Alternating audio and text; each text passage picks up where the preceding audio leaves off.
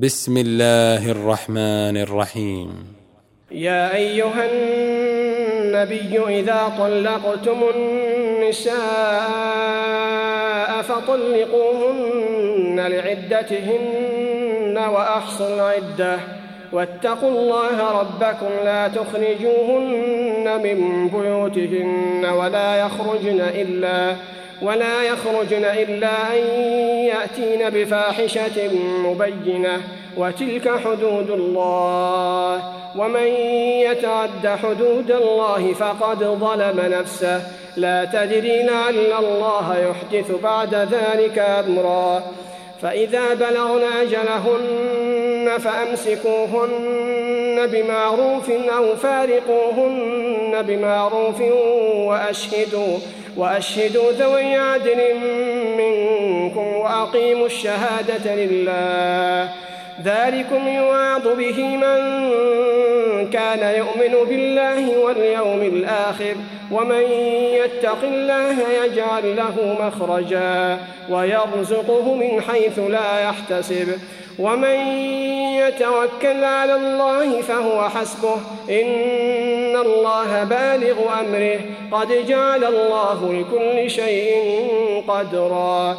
واللائي يئسن من المحيض من نسائكم إن ارتبتم فعدتهن ثلاثة أشهر. واللائي لم يحضن وأولاة الأحمال أجلهن أن يضان حملهن ومن يتق الله يجعل له من أمره يسرا ذلك أمر الله أنزله إليكم ومن يتق الله يكفر عنه سيئاته ويعظم له أجرا أسكنوهن من حيث سكنتم من وجدكم ولا تضاروهن لتضيقوا عليهم.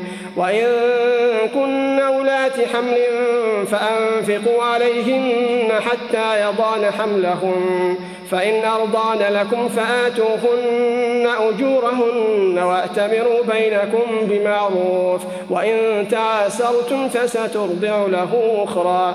لينفق ذو سعة من سعته ومن قدر عليه رزقه فلينفق مما آتاه الله. لا يكلف الله نفسا إلا ما آتاها. سيجعل الله بعد عسر يسرا.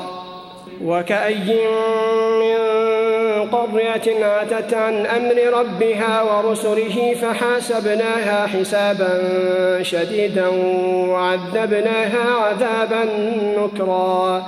فذاقت وبال أمرها وكان عاقبة أمرها خسرا. أعد الله لهم عذابا شديدا.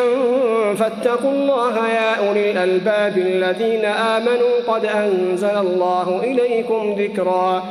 رسولا يتلو عليكم آيات الله مبينات ليخرج الذين آمنوا وعملوا الصالحات من الظلمات إلى النور. ومن يؤمن بالله ويعمل صالحا يدخله جنات تجري من تحتها الأنهار خالدين فيها أبدا. قد أحسن الله له رزقا.